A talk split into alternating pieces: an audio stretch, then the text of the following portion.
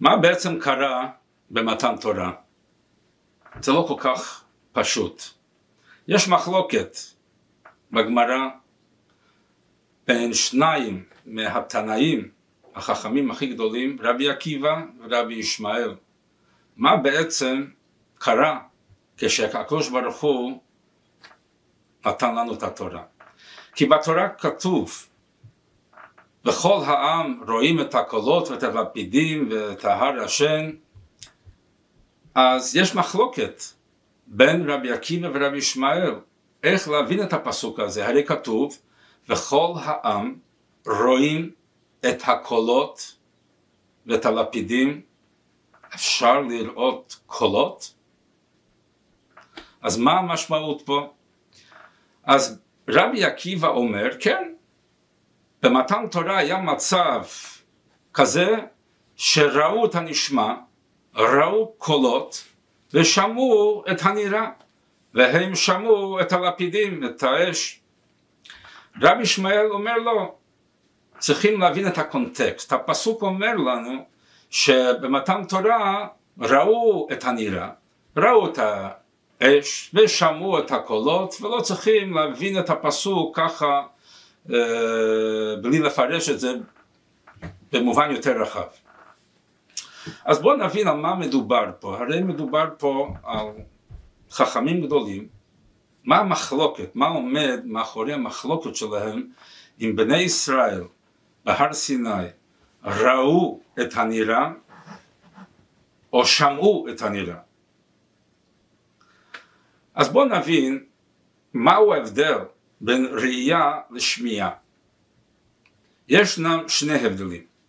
יש הבדל במה אני רואה ומה אני שומע, ויש הבדל איך זה משפיע עליי כשאני רואה משהו, ואיך משפיע כשאני שומע על משהו. אז הרי אומרים, אינו דומה שמיעה לראייה. אי אפשר להשוות, כשאני רואה משהו, אני רואה את הדבר באופן ישר, וזה משפיע עליי, אף אחד לא יכול לשכנע אותי שלא ראיתי מה שראיתי. מה שאין כן, כשמדובר בשמיעה, אני שומע על משהו, אז שמה כן, אני שומע על משהו, יכול להיות שהבנתי טוב, לא הבנתי טוב, וזה גם לא משפיע עליי כל כך חזק כמו אם אני רואה, ובגלל זה יש הלכה, אין עד נעשה דיין. מי שראה משהו לא יכול להיות דיין במקרה הזה, כי הדיין צריך להגיע למסקנה לפי העדות של עדים שיבואו ויספרו מה ראו. ואם מישהו ראה את זה באופן ישר, אז הוא לא יכול להיות אובייקטיבי פה. הוא ראה ואף אחד לא, הוא אף פעם לא יוכל ללמד זכות. זאת אומרת, הוא לא יכול להיות אובייקטיבי. עכשיו, מה אנחנו רואים ומה אנחנו שומעים? בדרך כלל אנחנו רואים דברים פיזיים, דברים גשמיים, אני יכול לראות אה, דברים, הכיסא, השולחן, בן אדם. ומה אנחנו שומעים? שומעים רעיונות, שומעים דברים רוחניים, לא ממשיים. אפשר להגיש עם היד מה שאתה שומע, אפשר, כן? עכשיו, זה בדרך כלל. בדרך כלל רואים דברים פיזיים, בדרך כלל רואים דברים גשמיים ושומעים דברים רוחניים, ובגלל זה הדברים הרוחניים יותר אבסטרקטיים ויותר מופשטים, הדברים הרוחניים יותר מופשטים ולא משפיעים עלינו כל כך חזק כמו דברים שאפשר לראות אותם, כן? אז עכשיו, עכשיו נבין את המחלוקת בין רבי עקיבא ורבי ישמעאל. בתורה כתוב וכל העם רואים את הקולות ואת הלפידים. אז מה קרה? רבי עקיבא אומר שבמתן תורה היה מצב שונה לגמרי מהמצב הרגיל שאנחנו רגילים. אמנם אנחנו בדרך כלל רואים את הנראה ושומעים את הנשמע, אבל במתן תורה הרוחניות, הפן הרוחני היה כל כך מוחשי שהיה כאילו רואים את הנשמע והפן הגשמי היה מופשט, זאת אומרת במצב הזה כשהקדוש ברוך הוא בא לתת את התורה העולם הפיזי העולם הגשמי אה, ירד לדרגה משנית לגבי הבהירות והממשות של העולם הרוחני. רבי ישמעאל, רבי ישמעאל אומר לו, במתן תורה אמנם היה התעלות רוחני מאוד גבוה, אבל בכל זאת העולם הגשמי היה יותר ממשי מהעולם הרוחני. עכשיו למה חולקים על זה? כי רבי עקיבא ורבי ישמעאל יש להם חילוקי דעות בנוגע למטרת בריאת העולם, למטרת מתן תורה. שניהם מסכימים שהמטרה לבריאת העולם ומתן תורה זה ליצור קשר בין הבורא והבריאה. ליצור קשר בינינו לבוראנו. אבל אפשר להבין את זה בשני דרכים. או שאנחנו נשתחרר מהמגבלות שלנו, שנשתחרר מהטבע שלנו בכדי להתקשר לקדוש ברוך הוא, או להכניס את הקדוש ברוך הוא בתוך המגבלות שלנו. רבי עקיבא אומר שהמטרה והכי גבוהה זה להשתחרר מכל המגבלות שלנו בכדי שנוכל להתחבר לקדוש ברוך הוא בלי ההפרעות של הגוף ובלי הפרעות של העולם הגשמי. רבי ישמעאל אומר לו, רבי, רבי ישמעאל אומר לו, רבי ישמעאל אומר שהמטרה זה להחדיר את כל הבריאה עם קדושה, להחדיר את המודעות של בורא בתוך כל חלק וחלקיק מהבריאה. הבריאה הרי הקדוש ברוך הוא ברא אותה, ברא אותה לא בכדי שנבטל אותה, ברא אותה בכדי שנקדיש אותה. איך, איך עושים את זה? מכניסים ומחדירים ומגלים בתוך כל מצב של הבריאה איך זה יכול להיות אמצעי להתחבר לקדוש ברוך הוא ואיך זה יכול להיות ביטוי של הקדוש ברוך הוא בצורה שמשהו אחר לא יכול לבטא. בגלל זה זה קיים. אז בגלל זה רבי עקיבא אומר רואים את הנשמע, המטרה זה להשתחרר מהמגבלות של הבריאה. ורבי ישמעאל אומר לו, המטרה זה להחדיר את כל הבריאה עם הקדושה ועם אלוקות. עכשיו, אה, עוד דבר, רבי ישמעאל אומר, אם היינו מקבלים את התורה אה, במצב מאולתר, אם היינו מקבלים את התורה במצב לא טבעי, אז כשהיינו חוזרים לשגרה, היינו חוזרים לחיים היומיומיים, כל החוויה של מתן תורה לא הייתה לה שום קשר לחיים היומיומיים. זאת אומרת, זה היה מקרה יוצא מן הכלל, היינו עפים בעננים, אבל עכשיו שצריכים לחזור לשגרת החיים, החוויה הזאת היה יפה, אבל לא רלוונטי עכשיו.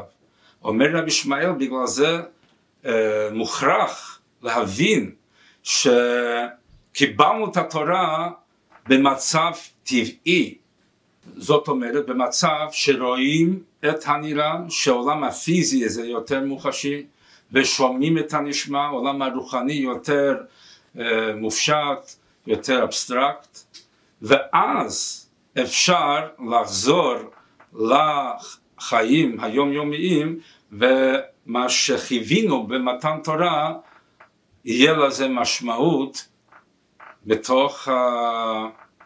בתוך החיים שלנו הרגילים. אפשר לתת דוגמה מעניינת להבין את העניין של רואים את הנשמע. כשילד נכנס לבית של חבר שלו ורואה כדור ורוצה את הכדור, מה הוא עושה? הוא לוקח את הכדור איתו הביתה. למה? כי אפשר לו. הביע את זה ולקח את זה. בן אדם מבוגר נכנס לבית של חבר ורואה משהו שרוצה, הוא לא ייגע בזה. למה? לא בגלל שזה לא שלו, בגלל שזה שייך לבעל הבית, למישהו אחר. עכשיו, בעלות זה עניין רוחני, בעלות, הקשר, ה... זאת אומרת, הבעלות זה לא עניין פיזי, זה עניין רוחני, זה עניין של חוק. אבל לבן אדם מבוגר זה כל כך מוחשי, כאילו זה היה קבוע במסמרים, והיה אי אפשר להזיז את זה.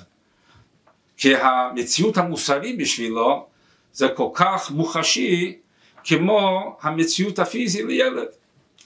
אז הנה אנחנו יכולים להבין מה זה לראות את הנשמע. זאת אומרת, אפשר להתייחס למצב, למציאות חוקי, כאילו זה ממש ריאלי. התורה נותנת לנו שלב נוסף. לא רק שמושג מוסרי, הגיוני, אה, הופך להיות מוחשי בשבילנו, אלא גם אה, פן רוחני הופך להיות מוחשי בשבילנו. וזאת המטרה. כולנו יכולים להגיע לראות את הנשמע, לא כולנו יכולים להגיע לשמוע את הנראה. מה הפירוש? כולנו יכולים להגיע למצב שהערכים של התורה, שהמצוות של התורה יהיו כל כך אמיתיים, כל כך מוחשים, כמו הדברים פיזיים לילד. כשיהודי נכנס לחנות לקנות אוכל, בנוסף לזה שצריך להיות אוכל בריא ובמחיר טוב וטעים, צריך להיות כשר. מה זה כשר? זה לא משהו אפשר לראות את זה, זה עניין רוחני. אבל יהודי מגיע למצב שאם זה לא כשר, אז זה כאילו מדובר פה על אבנים ומסמרים. זאת אומרת, זה בכלל לא בא בחשבון. היה לי דוד, דוד, דוד זקני, רב מנדל פוטרפס, שהוא נתפס ברוסיה הסובייטית ושלחו אותו לסיביר. ושם הוא היה כמה שנים וכל הזמן שהוא היה בסיביר הוא אף פעם לא אכל אוכל לא כשר. אז, וזה היה קשה מאוד שם. אז החברים שלו אמרו הרי לפי התורה אתה חייב לאכול את האוכל לא כשר אם מדובר על פיקוח נפש. אז הרי אתה מחויב לאכול. אז הוא סיפר להם ככה, כשאני הייתי ילד, אימא שלי לקחה אותי אה, לרבי בלובביץ' והוא בירך אותי אה, עם ברכה לאריכות ימים. והוא בירך אותי שאני אחיה. אני בטוח שהברכה שלו ימצא אותי לא דרך חתיכת הבשר הלא קשה. זאת אומרת בשבילו זה היה כל כך ברור שהברכה של הרבי זה מה שיחיה אותו והיה לו ברור שחתיכת בשר חזיר זה בכלל לא בא בחשבון. הנה דוגמה מרואין את הנשמע.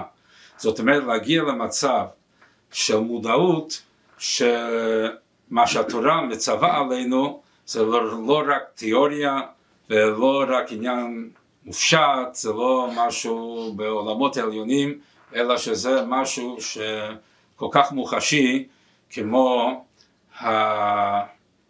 כל כך מוחשי כמו הסיום של השיעור שלי עכשיו. שיהיה לכם חג שמח.